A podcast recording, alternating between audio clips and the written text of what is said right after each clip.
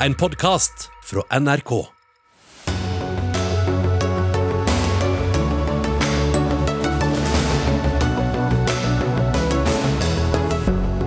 Norges hytteforbund ber om strømstøtte for hytter. Det er ikke synd på oss med hytte, svarer MDG-politiker, som mener hytteeiere må betale for strømmen sin selv.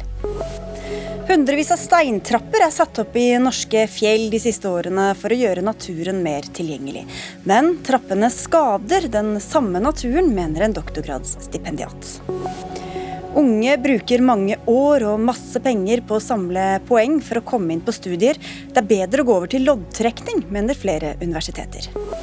Og Guds gave til menneskene, eller forbeholdt dem som lever i et heterofilt ekteskap? Vi skal snakke om sex, homofili og Bibelen.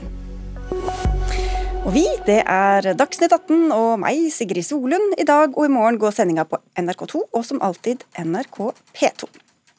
Hyttelivet står for døra for eh, mange nordmenn, hvis det ikke allerede er godt i gang.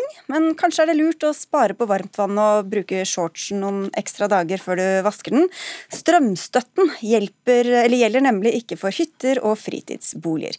Ifølge Nasjonen har de rekordhøye strømprisene ført til at færre nå drar til nettopp hytta eller fritidsboligen sin. Og Trond Hagen, du er styreleder i Norsk, eh, Norges eh, Hytteforbund. Dere vil utvide denne støtten til å også gjelde hytter og fritidsboliger. Hvorfor er det så prekært nå? Nei, det, er, øh, det er øh, flere grunner. Det ene grunnen er øh, basert på henvendelsen som vi har fått fra medlemmer. Av de drøyt 30 000 medlemmene vi har, med stort og smått. Og det er rett og slett at de ber oss om, å, om vi kan prøve å få gjort noe med dette, fordi de har ikke råd til å reise på hytta lenger om å prioritere. Og Da snakker vi om uh, pensjonister bl.a. Senest i går fikk jeg en telefon fra Sjusjøen, hvor altså et borettslag, fritidsborettslag, uh, meddelte at strømprisene nå var så høye at leilighetseierne hadde slutta å dra dit. Og nå er det jo høysesong for uh, ja. hyttebruk, selv om ikke kanskje er høysesong for uh, strømforbruket med de temperaturene vi har. Men Eivind Tredal, du er gruppeleder for Miljøpartiet De Grønne i Oslo bystyre og har skrevet at du ikke syns det skal være noe som helst strømstøtte til hytteeierne? Nei, altså Jeg syns regjeringa har lagt seg på en ganske riktig linje der, selv om vi har andre ting vi er litt uh, gjerne skulle sett forbedra med den strømstøtten vi har nå. Men uh, nå går vi inn i dyrtid. Er mye som blir dyrt. Bensin, strøm, mat. Uh, og da tenker jeg at vi som er så heldige å ha tilgang til hytte, vi bør står nok ganske langt bak i køen for de som eventuelt bør få flere tiltak fra, fra staten nå. Eh, og vi, jeg mener nok at eh, det strømforbruket, i den grad du skal differensiere MDG er jo for en toprissystem hvor vi skiller mellom det aller mest nødvendige strømforbruket og det som er mindre essensielt, så er jo klart at det å å kunne ha strøm på, på, hytta, det er jo ikke blant basisbehovene i, i livet. da. Men, men hvis du er på hytta, så er du jo ikke hjemme. Så du bruker jo bare strømmen et annet sted enn der hvor du ellers ville brukt den. Hvor er logikken i det? Ja, ikke nødvendigvis. Du må jo kanskje ha litt grunnvarme på hytta hvis du har innlagt vann og, og så, sånne ting. Så er det klart, eh, strømforbruk er jo ikke bare når du er der. Men uansett så er det jo sånn at strømforbruk på feriebolig er et, eh, en del av noe som jeg vil kalle et, eh, et luksusgode. Selv om jeg har veldig stor forståelse for at mange har veldig sterkt forhold til hytta. det er jeg òg. Uh, og når vi nå uh, skal gi strømstøtte fordi prisene er veldig høye, så tenker jeg at vi bør sette inn innsatsen mye mer for folk som sliter uh, og som trenger bedre råd. Enten det er folk som da ikke har tilgang til hytte og kanskje bor i en trang blokk i Groruddalen her i denne byen, og kanskje syns det var ganske kjipt å gå gjennom en pandemi uten mulighet til å komme seg opp på fjellet som andre. Så det er ganske mange verdig trengende i dyrtid, og da tenker jeg at hyttefolket, selv om jeg er blant de sjøl, så, så syns jeg ikke det er eh, det rette stedet å sette inn trøkket for ringa nå. Hagen. Det som er svakheten i det du sier, det er at eh, i motsetning til da eh, strømstøtteordningen ble innført, så har nå staten tjent milliarder av kroner på dyr strøm. Og da er spørsmålet hvorfor kan ikke det tilbakeføres til alle boliger som bruker strøm. Fordi hytta, for eh, det er tross alt 500 000 av dem i Norge, hvorav 440 000 er eh, registrerte fritidsboliger, og over halvparten av det er hytter med strøm. Så kan man stille spørsmålet hvorfor kan ikke vi også hytteeiere få tilbake penger, for det, det staten egentlig har gjort, er å overfakturere uh, strømmen. Fordi hvis du leser vannfallrettighetsloven paragraf 1, og det er paragraf 1, så står det følgende uh, Vannkraftressursene tilhører og skal forvaltes til det beste for allmennheten. Men, og det gjelder oss alle. Men så vet vi også at nordmenn bruker jo mye mer strøm eh, enn det mange andre gjør, og at hyttefolk bruker mer strøm enn når de er hjemme. I Hol kommune bruker hyttefolket 53% mer strøm enn de fastboende, Rauland 48% Hemsedal 46% Hvorfor skal vi subsidiere det som ser ut til å kanskje være et overforbruk? Så er spørsmålet når er den, det strømforbruket registrert? For per i dag så er strømforbruket blant hytteeiere vesentlig lavere, rett og slett fordi de ikke er der. Og i og med at du ikke har strømstøtteordning, så er eneste muligheten for uh, hytteeiere til å spare strøm, det er å skru ned til minimum og være der mer sjelden. Og så får du støtte for strømbruk i sekundærbolig, da? Altså hvis du eier en leilighet til eller et gårdsbruk, eller som du kanskje mm. bruker som, eh, som, en hytte, men som regnes som ikke, ikke som fritidsbolig? Hvor er ja, logikken der, da? Hvis man ikke skulle fått det, så ville det kanskje gått ut for leietagere, da, f.eks. hvis du leier det ut. Så jeg tenker det er rimelig. Eh, det er ofte de som har dårligere råd. Men eh, det jeg tenker er litt viktig her, er å se på det store bildet når det kommer til energibruken i landet vårt. Altså Du sier ikke sant, paragraf 1, det beste for allmennheten. Jeg tror ikke det beste for allmennheten i en tid med energimangel i Europa er at vi bruker mest mulig kraft på eh, hyttene våre. Det finnes nok enda viktigere ting å bruke energien på, og hyttestrømforbruket har jo økt voldsomt. Altså det, var, det har tredobla seg siden jeg var barn. Og de hyttene man ser nå, det har jo skjedd noe med hyttekulturen i Norge som jeg tror ikke er helt bra. Altså Da jeg vokste opp, så hadde vi en hytte uten vann og innlagt strøm. Nå er de hyttene som bygges rundt der i det byggefeltet som det nå har blitt eh, ved hytta vår, de har jo da badestamp ute, noen av de utendørs belysning, de er to-tre ganger større enn de pleide å være, da snakker vi jo ikke om det aller nødvendigste. Så hvis vi skal forvalte energien vår til beste for allmennheten, og vi har en situasjon hvor eh, hyttene i Norge bruker tre ganger mer kraft enn alle elbilene, så tenker jeg at vi eh, tross alt har bedre ting å forvalte både pengene våre på og strømmen vår på enn bare å brenne da på f.eks. en badestamp på hytta. Det eh, det er, det er, en god anledning til å tenke over nå i, i disse tidene her. Da må jeg få lov å arrestere litt. For det første så er altså uh, brukes som argument at, er, at uh, strømforbruket blant fritidsboliger er uh, rimelig mye høyere enn for elbiler. Men nå skal du huske på det at dagens situasjon er noe helt annet enn den kommer til å være om ti år. For ifølge Statnett sin egen Statkraft sin egen analyse, så vil altså forbruket for lading av elbiler, strømforbruket, vil være dobbelt så høyt som eksisterende for eh, strømforbruket for fritidsboliger per i dag.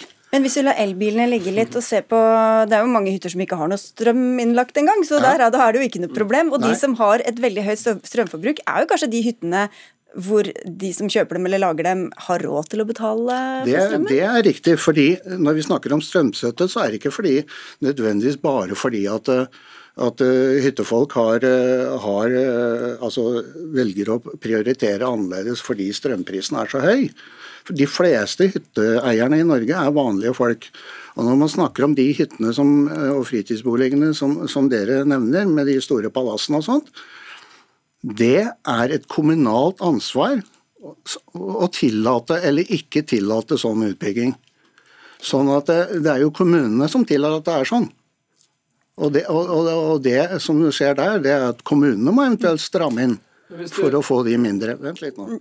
Og, og, og det, det, er, eh, det, er, de i ferd med å gjøre eh, fordi de ser at eh, alle, alle kommuner har et tak på hvor stort område de kan bruke i utbyggingen sin. Eh, og, og, har begynt å innse at nå må vi begynne å stikke fingrene i jorda. Ok, Fredal. Ja, altså, Hvis du eier en hytte så, eller en annen ferie, en feriebolig av noe slag, så sitter du på en svær verdi. Da jeg vokste opp, jeg vokste opp på en veldig populær feriedestinasjon, så leide vi jo ut huset nesten hver sommer. og Det er jo også noe hytteeiere eller folk med feriebolig kan gjøre, hvis det nå blir dyrere å eie den hytta.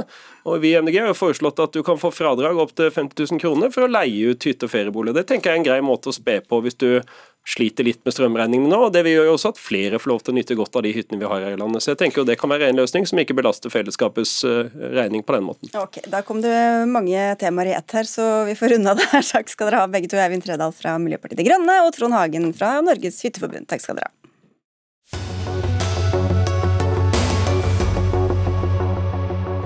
Den internasjonale straffedomstolen ba i dag om en koordinert innsats for å etterforske krigsforbrytelser i Ukraina. Allerede fire dager etter den russiske invasjonen varslet domstolen en gransking, og til nå har ukrainske myndigheter eh, begynt å etterforske flere enn 21 000 mulige krigsforbrytelser. Sofie Høgestøl, du er førsteamanuensis i rettsvitenskap ved Universitetet i Oslo, har skrevet doktorgradsoppgave om utvelgelsen av saker ved internasjonale straffedomstoler. Hva legger vi i dette koordinert innsats som den internasjonale straffedomstolen ber om? Det som skjer nå, er at det er en egentlig en storstilt dugnadprogram rundt straffeoppgjør i Ukraina. Du har veldig mange forskjellige typer aktører som er inne og innhenter bevis, og som jobber med disse sakene. Du har FN har en egen gransking som er ledet av en norsk dommer. Du har EU eh, e inne i bildet, du har forskjellige EU-organer for så vidt inne i bildet. Og så har du nasjonale myndigheter, ikke minst i Ukraina, som jobber med dette. Og så har du på toppen av dette hele den internasjonale straffedomstolen i Haag, som nå prøver å ta litt grep og koordinere, sånn at man innhenter bevis på en måte som de kan bruke i en fremtidig straffesak. Hvor lett er det å koordinere? Koordinere dette, da? Antageligvis ikke så lett. og Det var et av hovedbudskapene til sjefsanklageren i dag på denne konferansen. Det var at la oss ikke sitte på hver vår tue og bli hver våre småkonger i dette. Vi må samhandle, sånn at vi ikke innhenter masse bevis som blir stående i et arkiv et eller annet sted og ikke blir brukt. Vi må innhente bevis som er av en kvalitet som det faktisk kan brukes i en straffesak.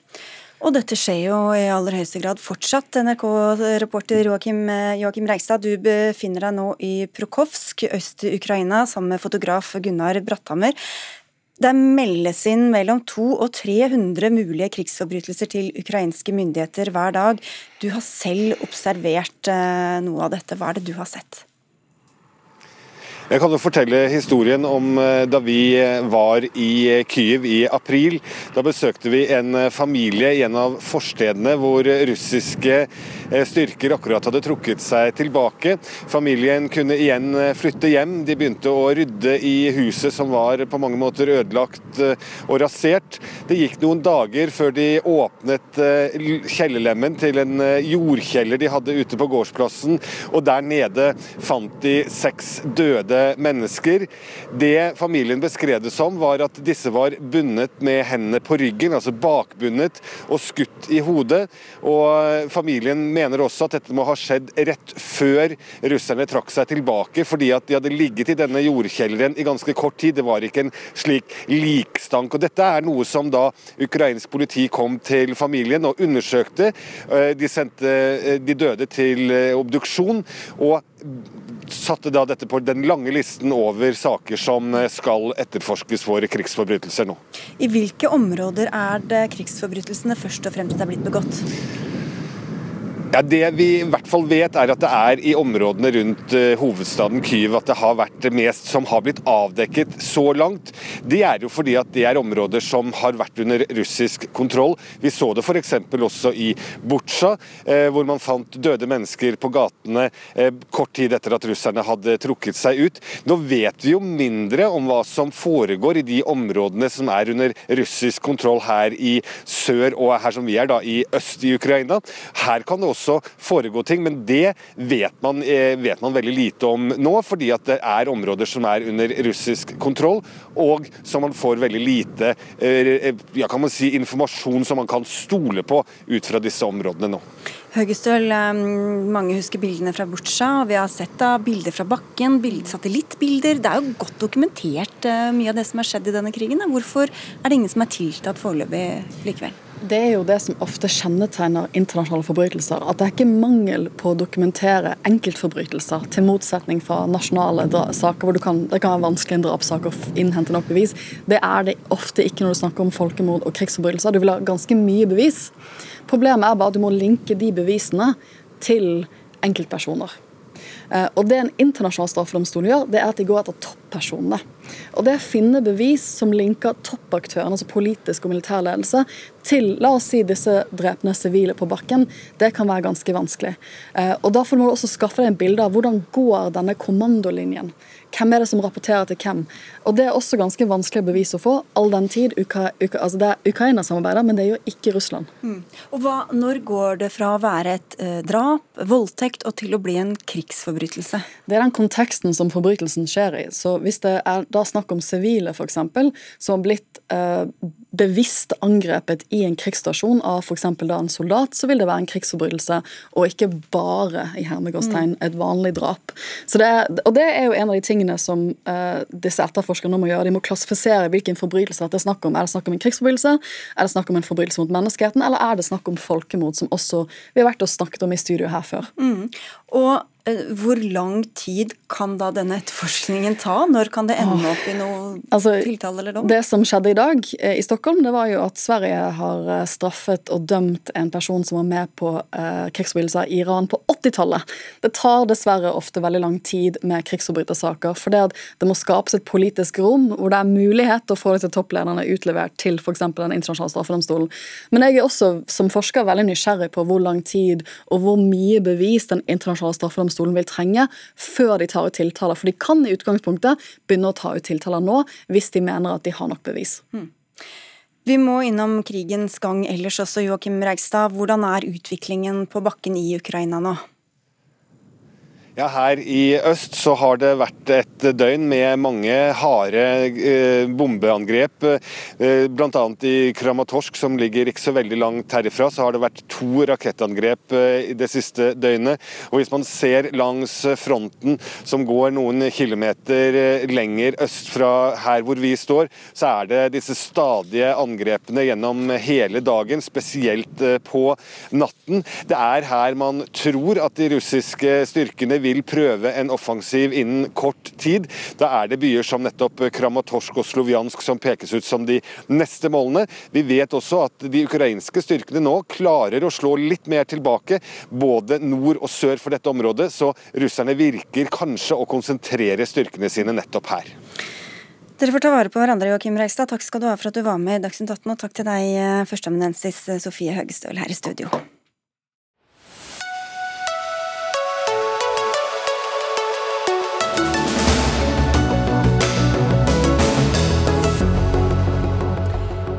Hvis du skal, eller kanskje har vært ute og gått på fjell i sommer, så har du muligens gått på en sherpatrapp. Hundrevis av store steiner som er lagt oppover på fjell og mot utsiktspunkter for å gjøre naturen mer tilgjengelig for alle. Bare siden 2005 er det blitt anlagt over 200 sånne sherpatrapper her til lands. Men du skriver i en kronikk på I Finnmark at de kan skade naturen, Frida Marie Omma Jørgensen. Du er doktorgradsstipendiat eh, ved naturguiding og bærekraftig naturbasert reiseliv ved Universitetet i Tromsø.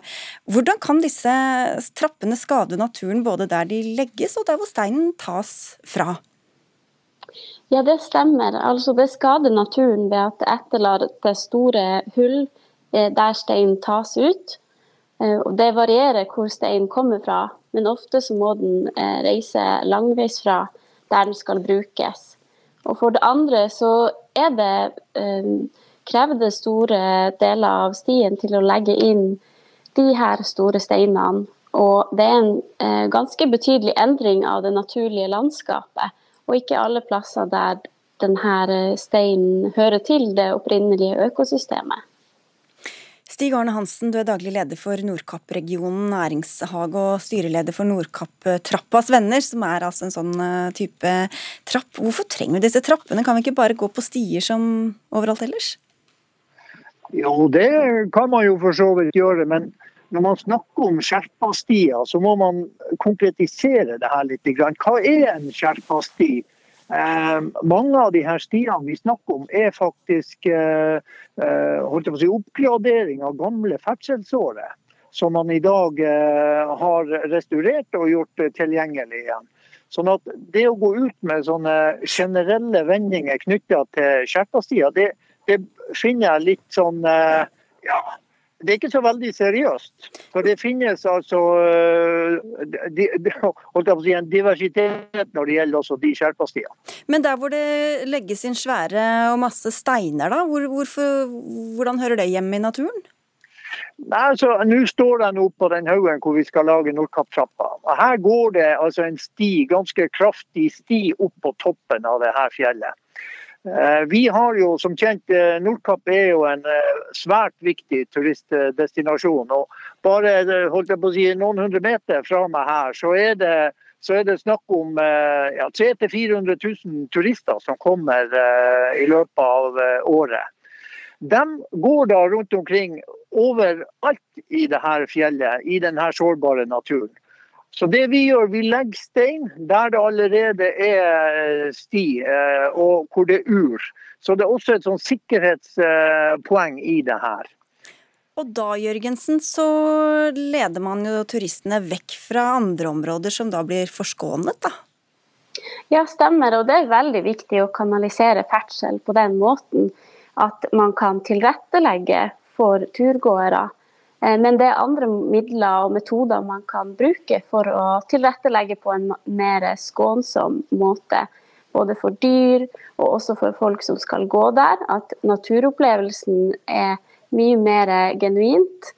Eh, I tillegg så er det andre måter man kan skape lokal verdiskapning på, og samtidig lede folk og turister på riktig vei, nemlig å ansette naturguider som kjenner de lokale forholdene, både i forhold til kultur, historie og det naturmangfoldet som finnes der.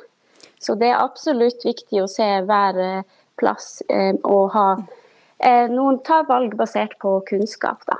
Ja, nå fikk du noen alternativer her, Hansen. Ja, nei, Jeg lurer jo på hvilken bakgrunn man har når man sier at man skal ansette naturguider. Det er jo en liten kommune, det her. Eh, og det finnes jo ikke ressurser til å ansette naturguider. Man har ganske stort guidekorps som, som, guider de her turistene opp til Nordkapp. Eh, og, og, eh, det å skal begynne å ansette naturguider for å ta vare på dem rundt omkring på den naturen vi har, for den går over hele øya. I Alpene så legger man til rette. Altså Når presset på naturen blir for stort, så er man nødt til å legge til rette. Hvis man ikke legger til rette med uh, denne type infrastruktur, og det være seg turløyper som uh, lages av lokale turlag eller av uh, Friluftsrådet, hvor skal det da ende hvis man ikke tar tak i denne infrastrukturen og får den tilrettelagt? Hvor skal de her turistene gjøre av seg? Jørgensen? Mm. Nei, Hovedpoenget mitt i kronikken er at uh, skjerpatrapper er blitt en trend og en enkel løsning for lokale interesser, men også regionale, i å eh, hevde at det automatisk eh, gir regionen mer attraktivitet og mer bolyst og økt folkehelse. Men det her mener jeg er et skalkeskjul som ofte blir brukt, mens den opprinnelige grunnen til å ha skjerpatrapper er jo for å beskytte naturen der det blir overtråkka, der det ikke er andre måter, spesielt i veldig bratte områder. Så det her er noe vi bør tenke over.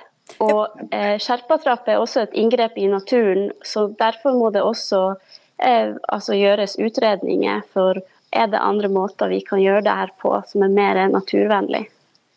Nå står jeg og ser på en sti her som er ganske kraftig eh, si, i terrenget og som faktisk eh, er skjemmende for terrenget. Så jeg eh, kjøper ikke det argumentet ditt. Men hva gjør vi da med Prekestolen? Der er 400 000 som er å besøke Prekestolen. Hva gjør vi med Helgelandstrappa? Hva gjør vi med oppstemten i Bergen? Så Det å generalisere på de her tingene syns jeg blir helt feil. Du har også trukket frem at det, det er forurensing osv. Der det er mye trafikk, eh, mange på de her eh, Skjerpatrappene, der er det også anlagt eh, toalett. Det finnes lite forskning, og du fra akademia burde i hvert fall vite at man må gå inn og se hva finnes av forskning før man kommer ut med, med de her påstandene. Videre så er det jo... Jeg tror vi skal la, la Jørgensen få svare på det. Ja, det er helt i orden. Ja, absolutt. Og det her er jo en, en, et mer filosofisk spørsmål vi må spørre oss. Vi har så mange skjerpatrapper og andre infrastrukturer som gjør at vi mennesker skal komme opp på fjelltopper og nå plasser som vi tidligere ikke, som tidligere ikke har hatt så mye besøk. Og skal vi da tilrettelegge naturen for at vi skal kunne gå der, eller skal noen plasser få være litt mer i fred? Hansens, håper dere at denne trappa kan bli et, en attraksjon som bare skaper enda mer turisme og enda mer press på naturen der oppe?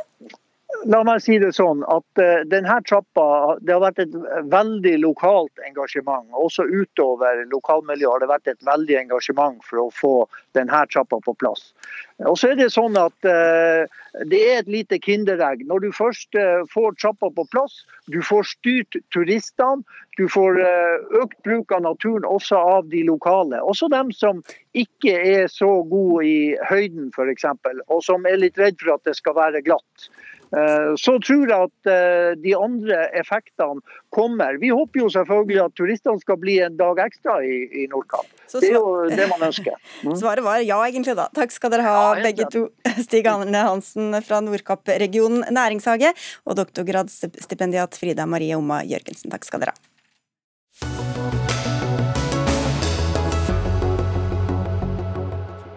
Hva sier Bibelen om sex mellom to av samme kjønn? Det er tema for Dagsnytt 18 mellom to religiøse, men først mot slutten av eh, denne sendinga kan jeg berolige dere med som nå kom inn i studio.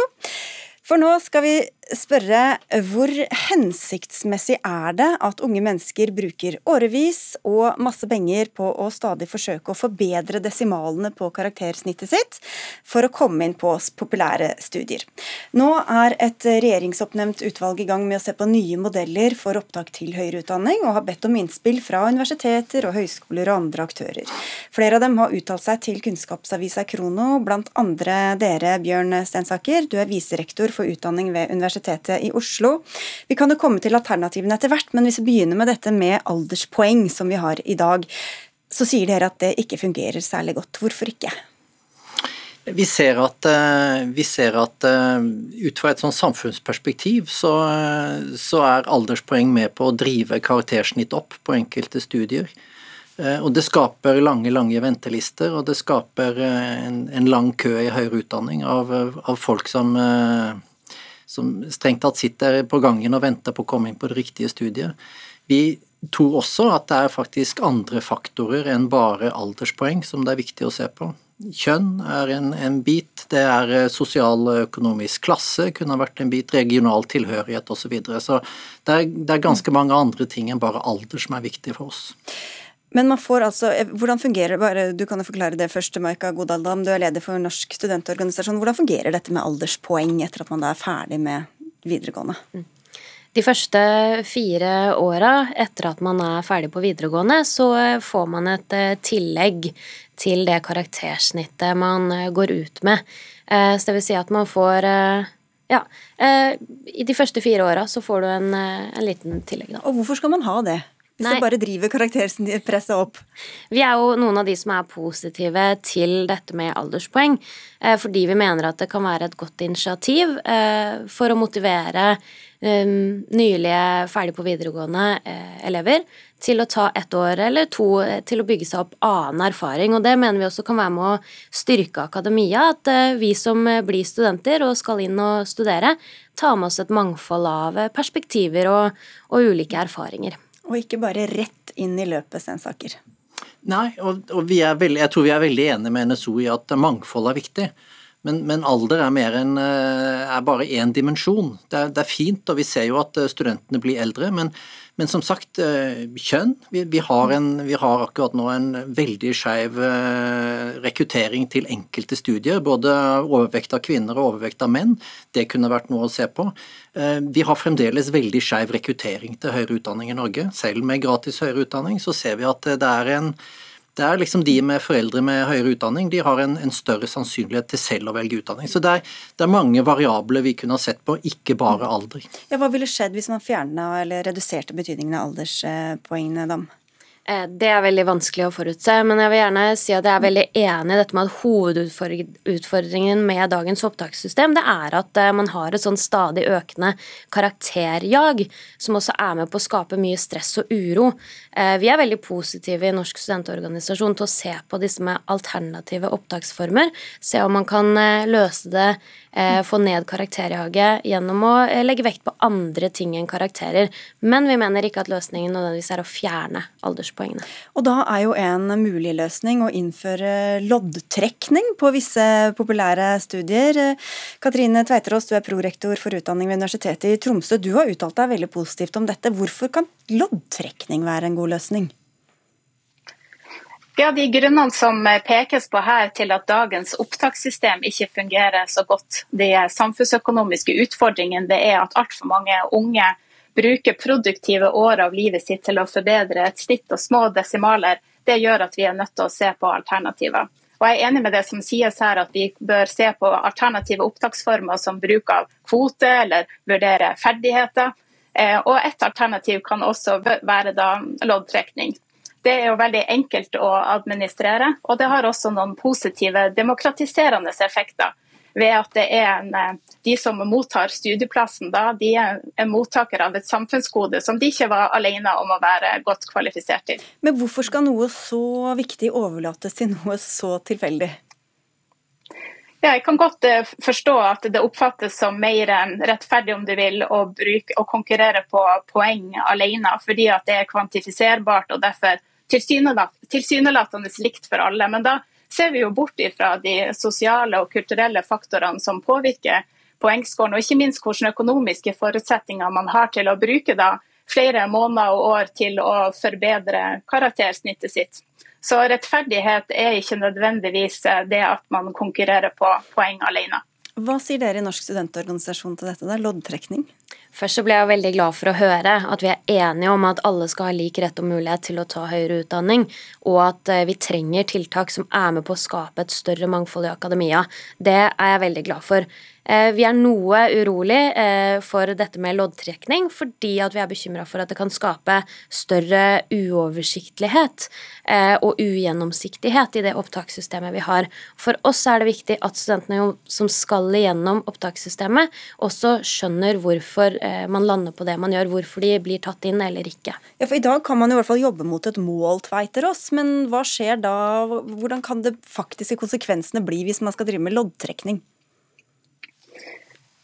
Man vil jo da kunne bruke de årene hvor man eventuelt ikke får eh, en studieplass til å gjøre noe som er enten som hever kompetansen sin, eller der man kan gjøre noe som eh, bidrar til eh, samfunnet. Og jeg er helt enig med det som Maika sier her om at systemet må være lett å forstå, sånn at det oppleves forutsigbart og, og ikke ja, vilkårlig. Ja, ser, men, ja, unnskyld, men dere ser ikke for dere loddtrekning for alle og på alle studier og med alle karaktersnitt, eller? Nei, altså her snakker vi jo om eh, der det er konkurranse på små desimaler. Du må gjøre loddtrekning blant søkere som er over et visst fastsatt karakternivå allerede. Så vi snakker om de aller flinkeste, der det er få desimaler, og der de i praksis eh, er like godt kvalifiserte alle sammen. Så det er ett alternativ som man kan bruke. Mm. Nå har vi vært eh, innom dette med utjevnende eh, tiltak, og at man skal støtte opp om kvoter og ting som skaper større mangfold i akademia.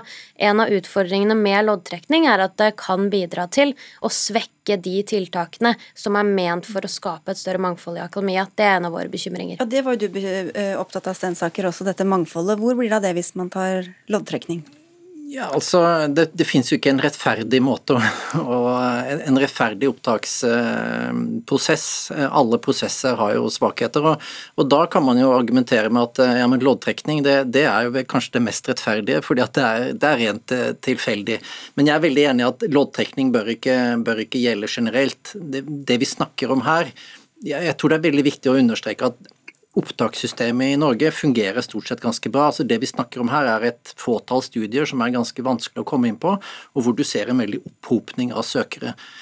Og da tror jeg at vi, Loddtrekning er en variant, men jeg tror vi også må vurdere andre ting. Det kan være motivasjonstester, det kan være opptaksprøver. Det, det, er, mange, det er mange typer virkemidler man kan tenke seg, og jeg er ikke fremmed for loddtrekning heller. På, en, på samme måte som min gode kollega i nord her sier, at at, eh, at, personer da med over et visst karaktersnitt, og, som, og hvor det bare er desimaler, mm. da, da, tenker jeg da er det like gjerne loddtrekning som eh, andre ting som kan være effektivt. Er, Krono har jo innhentet uh, utdannelse fra mange, og det er mange som er uenige med dere også i, uh, i um, høyere utdanningssektoren. Men hva tror du, Tveiterås, hvordan skal man sikre mangfold hvis man overlater alt til tilfeldighetene? Vi overlater jo ikke alt til tilfeldighetene. Men jeg har lyst til å si at mangfoldet er viktig, og mangfoldet er også en grunn til at vi kan utøve en positiv, positiv forskjellsbehandling. Og Da tror jeg at vi, vi skal ha et minimumspoengskrav, men at vi utover det skal Kanskje skal vi vurdere om vi skal bruke poeng til rangering i det hele tatt. Kvoter har vært nevnt her. Det å bruke opptaksprøver eller andre ferdighetsvurderinger er også loddtrekning. Kanskje må vi tenke helt annerledes enn poengvurdering i det hele tatt. Nettopp for å sikre mangfold. Og Hva kan skje da, da, når du sa at det blir litt ugjennomsiktig? Hvis man skal ha et ganske innviklet system med litt loddtrekning og litt kvoter og sånn, så blir det i hvert fall vanskelig å skjønne hvor man havner i køen? Mm. Ja, jeg tror eh, Hvis jeg skal peke på én ting, så må man sørge for at man har et, eh, et, nasjonalt opptakssystem eh, til høyere utdanning, for å komme inn på noe litt annet, sånn at alt er samla ett sted, og det er helt åpenbart for studentene hvor de finner informasjon om og mulighetene til å søke høyere utdanning. Hvordan er det norske opptakssystemet sammenlignet med, med andre land, Stensaker? Det er både likt og ulikt. han har sagt. Vi, det er mange land som har et sentralisert opptakssystem, som vi har i Norge, samordna opptak. Eh, stort sett så fungerer det veldig bra, og jeg tror alle er enige om at et nasjonalt opptak er faktisk veldig viktig. Så har vi som sagt disse, disse spesielle studiene som, som utgjør en, en, utfordring. Eh, og da mener iallfall vi på Universitetet i Oslo at, eh, at lærestedene kanskje sjøl kunne få litt større frihet til å Eh, avgjøre opptaket for deler av søkermassen. Men at man, man, det nasjonale opptaket tar rett og slett unna majoriteten av studentene, men at vi kan se på disse marginene, som det er det vi snakker om nå. Det er de marginene, og de må vi kanskje ha litt spesielle ordninger for. Mm. Vi ser jo at noen steder i utlandet, vi skal ikke lenger enn til Danmark for å finne et system som i større grad vektlegger dette med motivasjon og erfaring. Og jeg tenker jo at det er en én eh, måte, i hvert fall som opptaksutvalget absolutt eh, bør vurdere om de ikke gjør det allerede, og se på om vi kan eh, gå mer bort ifra det karakterbaserte. Og utvalget er i gang og lytter helt sikkert til alle dere tre og flere til. Takk skal dere ha for at dere var med i Dagsnytt 18, Maika Godal som er leder for Norsk studentorganisasjon, Bjørn Stensaker, viserektor for utdanning ved Universitetet i Oslo, og Katrine Tveiterås, prorektor for utdanning ved Universitetet i Tromsø.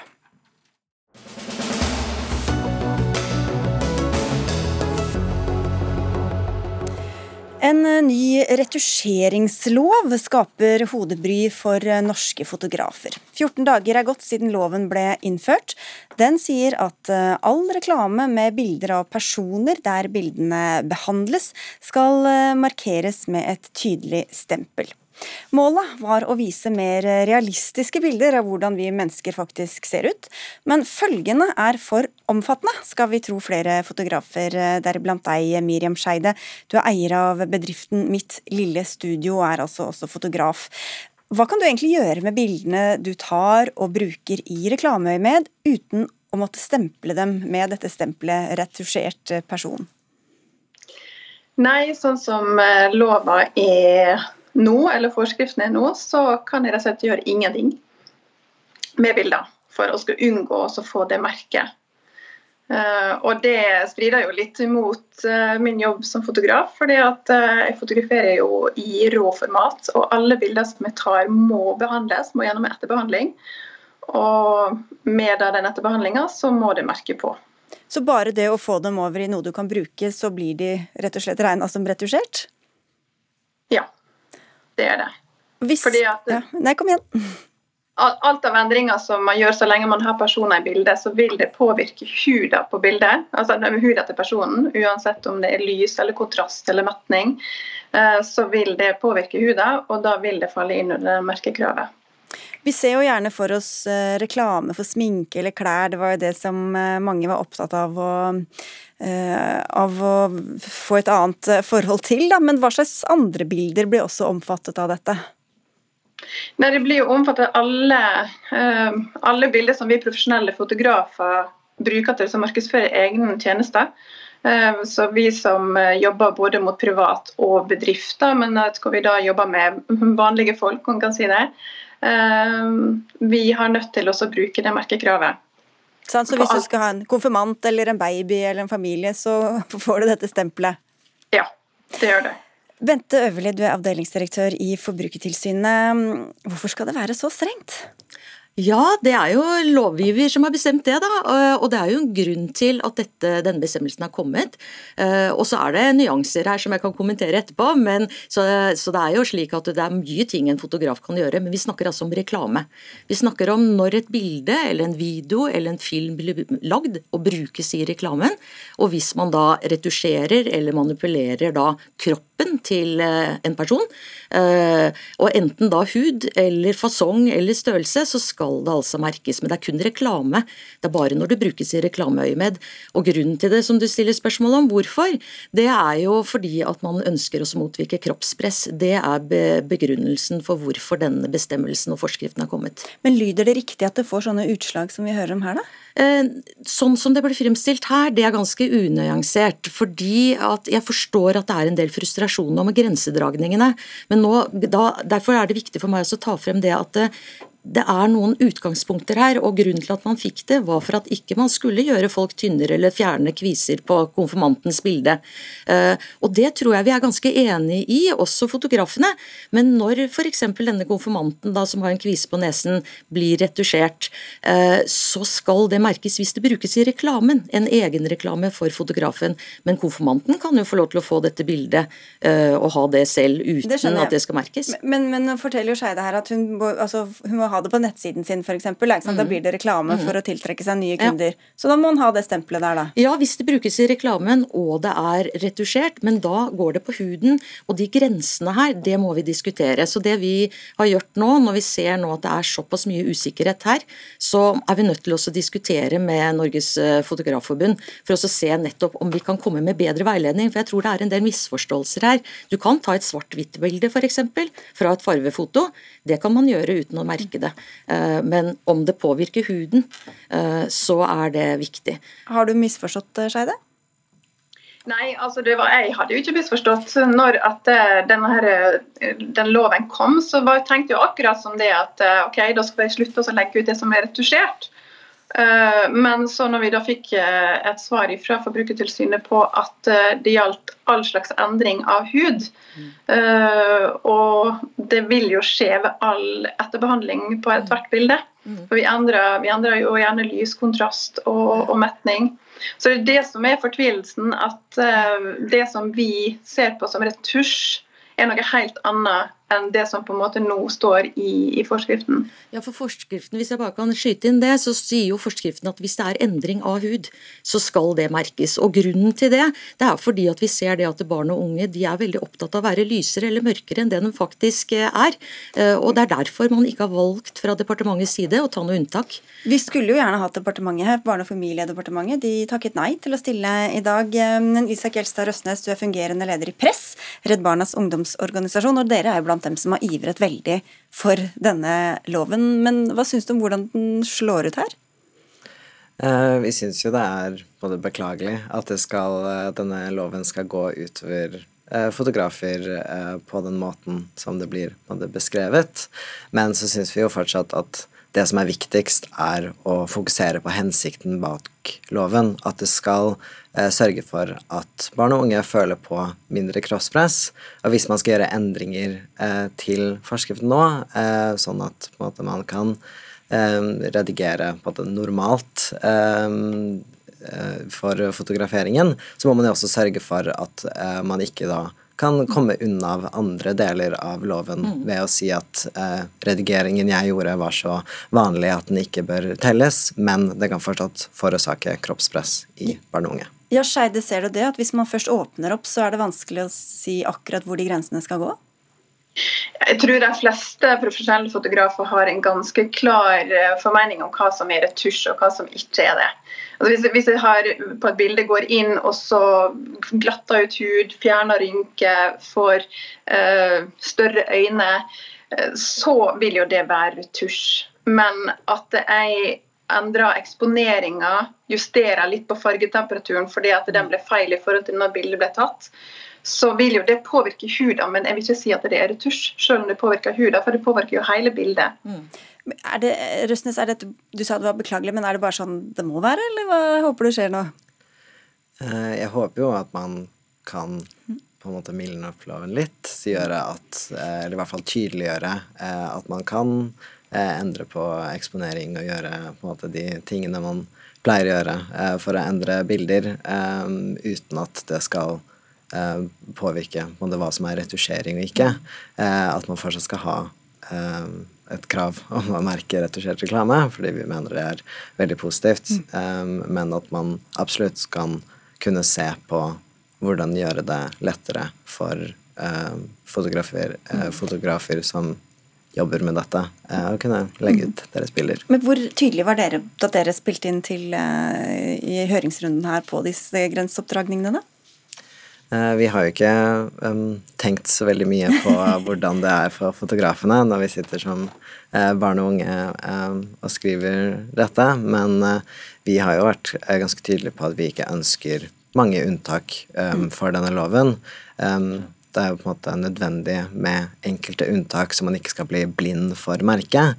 Men vi ser jo også at noen unntak som selv på en måte kom med i loven nå, er ting vi ikke er så nødvendigvis så positive til. F.eks. at man fortsatt kan endre eh, farge på tenner, eh, mens press mener at eh, farge på tenner er noe som kan føre til kroppspress. Og ok, Så det er lov at, som det er nå? Uh, det er lov. Ok, Hud er ikke lov, men tenner er lov. ok, Og du skal få slippe å stå ansvarlig for loven, for det er ikke du som har laget den. Men dere skal jo overholde dette, da, øvrig. Ja. Men høres det logisk ut at, at, det var ment at man ikke skal kunne i det hele tatt trykke altså Ut fra hva fotografen sier her, så kan man jo ikke bruke bildene i det hele tatt. Sånn skal det jo ikke være. Eh, og Det er derfor vi ser nå at den frustrasjonen og de grenseoppgangene, det må vi gå opp. Så, så vi må se på formålet, og det er jeg helt enig i. Og det er jeg helt enig med, med fotografen her også. Eh, vi er nødt til å se på hva er rimelig for å oppnå formålet. Det er det som vi skal se på. Så da, da vil jo vi gå nå i dialog og prøve, også sammen med bransjen. Så jeg vil jo oppfordre nå alle fotografer fotografer til å spille inn til forbundet. Det er problemstillingene de står i. Og så får vi se og tilpasse praksis sånn at dette oppnår formålet med loven, uten at det skal ødelegge en næring. Det er ingen tjent med. Og vi vil selvsagt eh, håndtere dette på en skjønnsom måte. Hva sier du til det, Skeide? Jo, nei, Det er veldig, veldig godt å høre. Også fordi at jeg sjøl syns at den lova er altså Jeg ønsker den veldig velkommen. fordi at uh, også vi som profesjonelle fotografer sliter jo med det at mange gjerne vil ha uh, retusj på sine bilder fordi at de sammenligner seg med det som de ser på reklame. Så jeg, det at det får, du får, vi får mer naturlig, naturlig ansikt, naturlig kropp, naturlig hud i reklame, tror jeg bare er kjempepositivt. Så um, ja, Hva er det folk vil? Altså, En konfirmant eller noen som skal fotografere babyen sin, ber de om å få tatt Fiksa litt, liksom? Eller? Ja, altså konfirmantene har jo ofte litt kviser kvise og sånt, og det har ikke noe problem med også å fjerne. Jeg har en liten sånn regel jeg tenker også at så lenge at det er noe som naturlig borte om en uke eller to, så har det ikke noe å si. Men hvis det er noe som er permanent, sånn som f.eks. rynke eh, eller et arr eh, eller en dobbelthake som man ikke tar bort på, på to uker, eh, det, det, vil gjerne på en måte ikke retusjere. da. Men det er mange som ønsker det. Ja, det er det. Røstene, skal det være lov å ta bort kviser, eller? Um, vi syns for så vidt at kviser også er noe som er helt naturlig, og det er viktig å vise at det er noe som er naturlig, særlig i reklame for at uh, barn og unge som, uh, som konfirmanter kanskje er flaue over kviser og ønsker at de skal bli tatt bort på uh, konfirmasjonsbildene, kan se i reklame at det er noe som er helt normalt, og ikke noe, som ikke er noe man burde skjemmes over. så vi syns egentlig at kviser heller ikke er noe som er nødvendig. Nå nikkes det fra Forbrukertilsynet her, så kviser ja, må med. Ja, altså det, det, må med. Eh, vi bare håndhever loven og fører tilsyn med det som er bestemt. og Dette her er jo bare helt klart eh, ut fra forskriften at det, kan man ikke gjøre uten å merke det. Og Så er det de grensedragningene. Hvor går den? Og Det er den vi må diskutere. Men eh, det er klart det at dette her er noe som har vært mange vært opptatt av, og det er stor politisk vilje for. Fordi det er et stort kroppspress blant barn og unge. Da lagde vi i hvert fall begynnelsen på en dialog her hos oss i Dagsnytt 18, og så takker vi dere for at dere tok den. Miriam Skeide, fotograf, og Bente Øverli fra Forbrukertilsynet, og Isak Elstad Røstnes fra Press.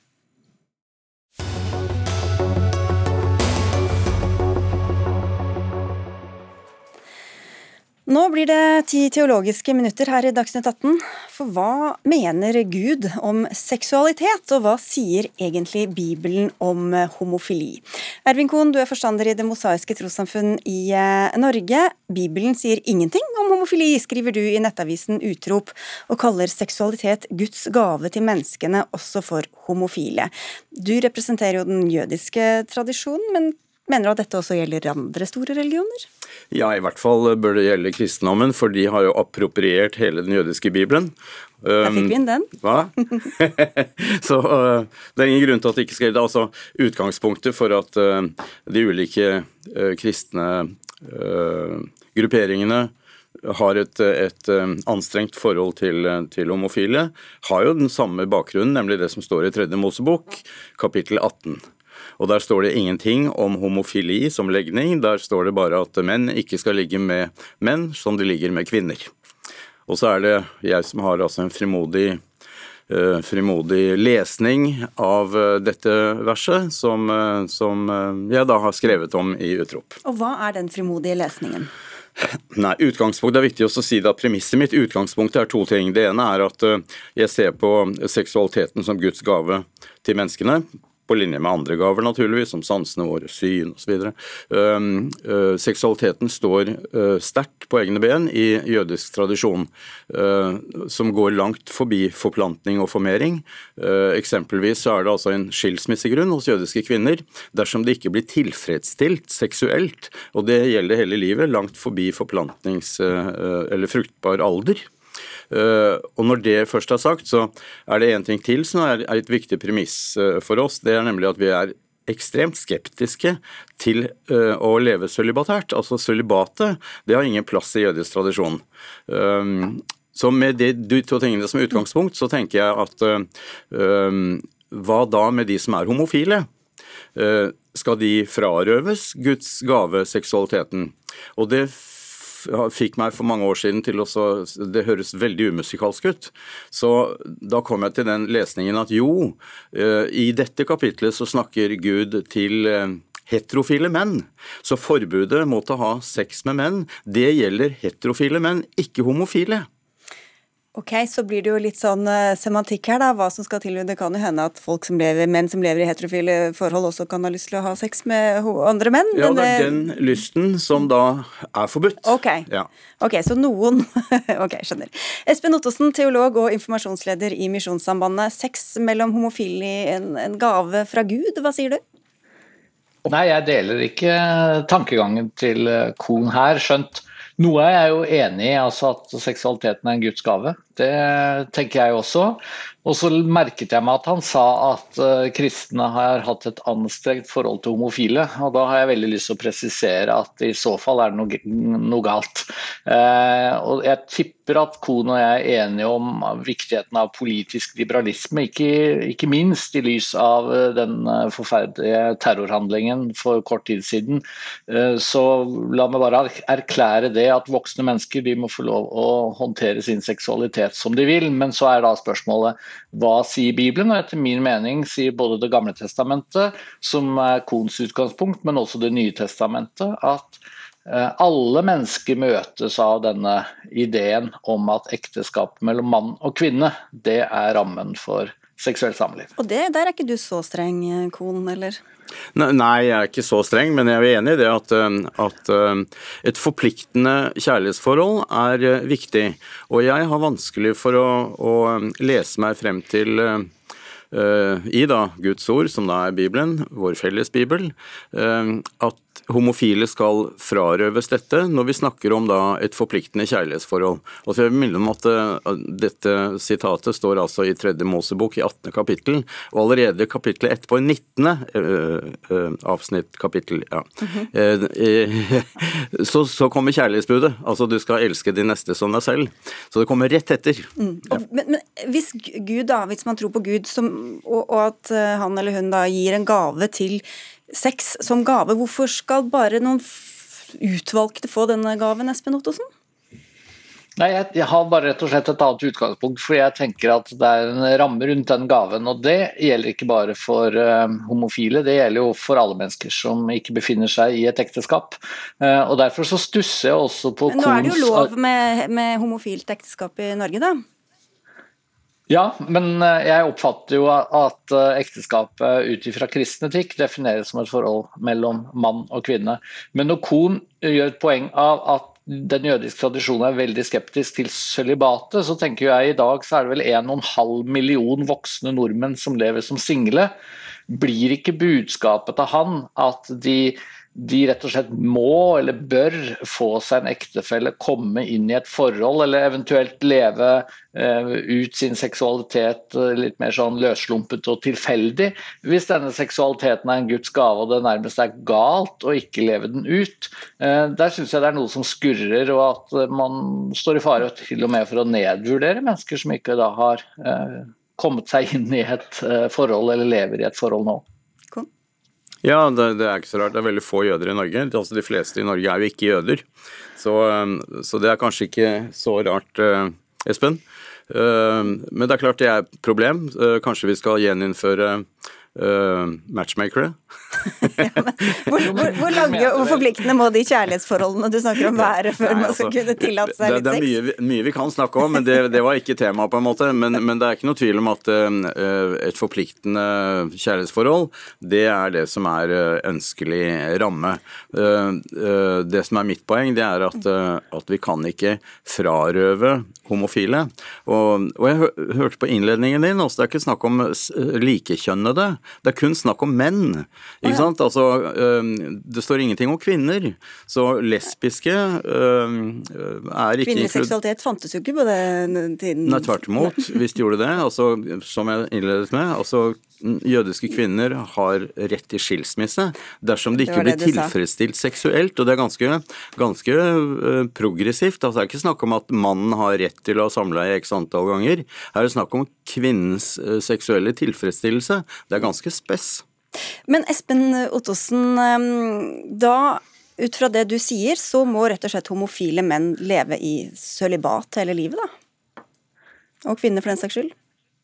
Ja, Utgangspunktet mitt eh, er egentlig ikke, som Kohn legger opp til, at eh, vi har et slags spesielt eh, forbud eller påbud til homofile. Jeg tenker helt uavhengig av legning og orientering. Det er jo et ganske moderne fenomen at vi setter mennesker i ulike båser. Men jeg tenker helt uavhengig av det, så er Bibelens perspektiv at seksualitetens plass er ekteskapet mellom mann og kvinne. Og ja, konsekvensen blir jo for en del mennesker eh, Heterofile kan selvfølgelig fortsatt eh, håpe at de finner den rette da og, og kan gå inn i et ekteskap. Um, homofile. Noen vil jo si at uh, seksualiteten er noe flytende, og at man uh, opplever en, eller annen form for den store kjærligheten litt senere i livet eller, eller et eller annet. Jeg syns også det er litt interessant med Kohns argumentasjon at er, det er jo ikke helt oppdatert. altså han forutsetter at det nærmest finnes to legninger som er helt fastlagt og helt låste, homofil og heterofil. Eh, Facebook opererer vel med 64-legninger ja, eller noe i den duren. Mange homofile identifiserer seg jo ganske tydelig som homofile da, og da skal de ikke kunne motta denne gaven fra Gud som dere snakker om? Uh, altså jeg tenker jo at alle mennesker er seksuelle vesener, og sånn sett så er jo seksualiteten vår en gave fra Gud. Det vil jeg jo si til alle mennesker, også de som ikke lever ut sin seksualitet i et forhold, om de da er 17 år eller er, er nyskilte eller, eller, hva som nå er, er situasjonen.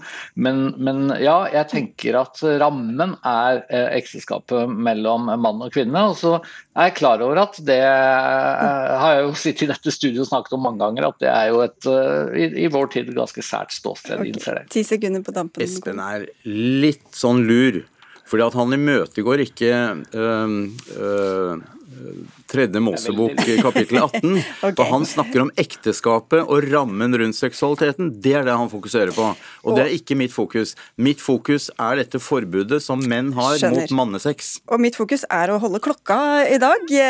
Og takke dere, Ervin Kohn og Espen Ottosen. Og si takk for oss i Dagsnytt 18. Det var Gro Arneberg som var ansvarlig for sendinga. Lisbeth Seljereite hadde det tekniske ansvaret. Og jeg heter Sigrid Solund.